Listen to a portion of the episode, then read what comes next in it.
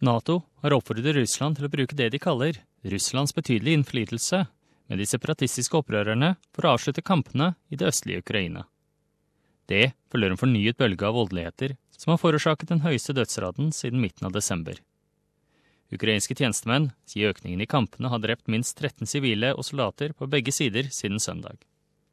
De sier det er de verste kampene siden de to partene ble enige om en ny våpenhvile like før jul.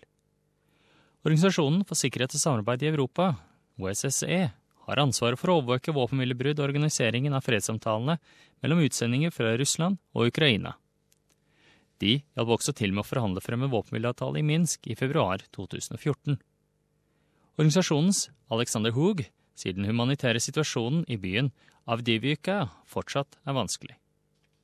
The town has no electricity, reduced and uh, limited water no or very limited heating, and of course it's located at the very close proximity of the fighting theater that has emerged uh, rather loud since the early hours in the morning of last Sunday.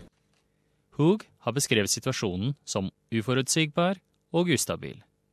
And it's caused by the failure of the so-called DPR and the Ukrainian forces to withdraw their heavy weapons. And it's caused by the close proximity of the armed formations and the Ukrainian forces.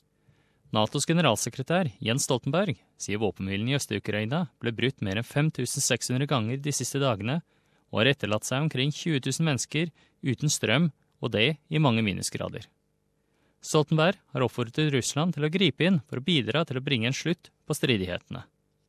We call for an uh, immediate return to the ceasefire and withdrawal of all heavy weapons banned under Minsk agreements.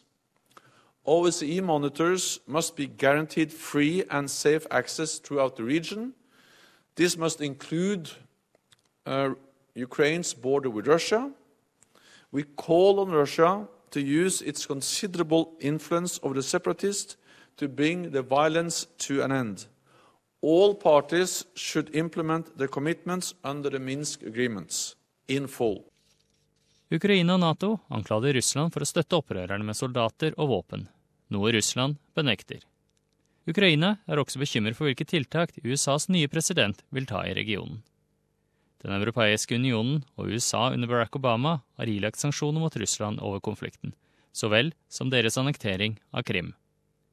Donald Trump har sagt at han er i de tidlige stadier av å vurdere å løfte amerikanske sanksjoner mot Russland. Ukrainas president Petro Porosjenko har oppfordret andre nasjoner til å legge mer press på Russland.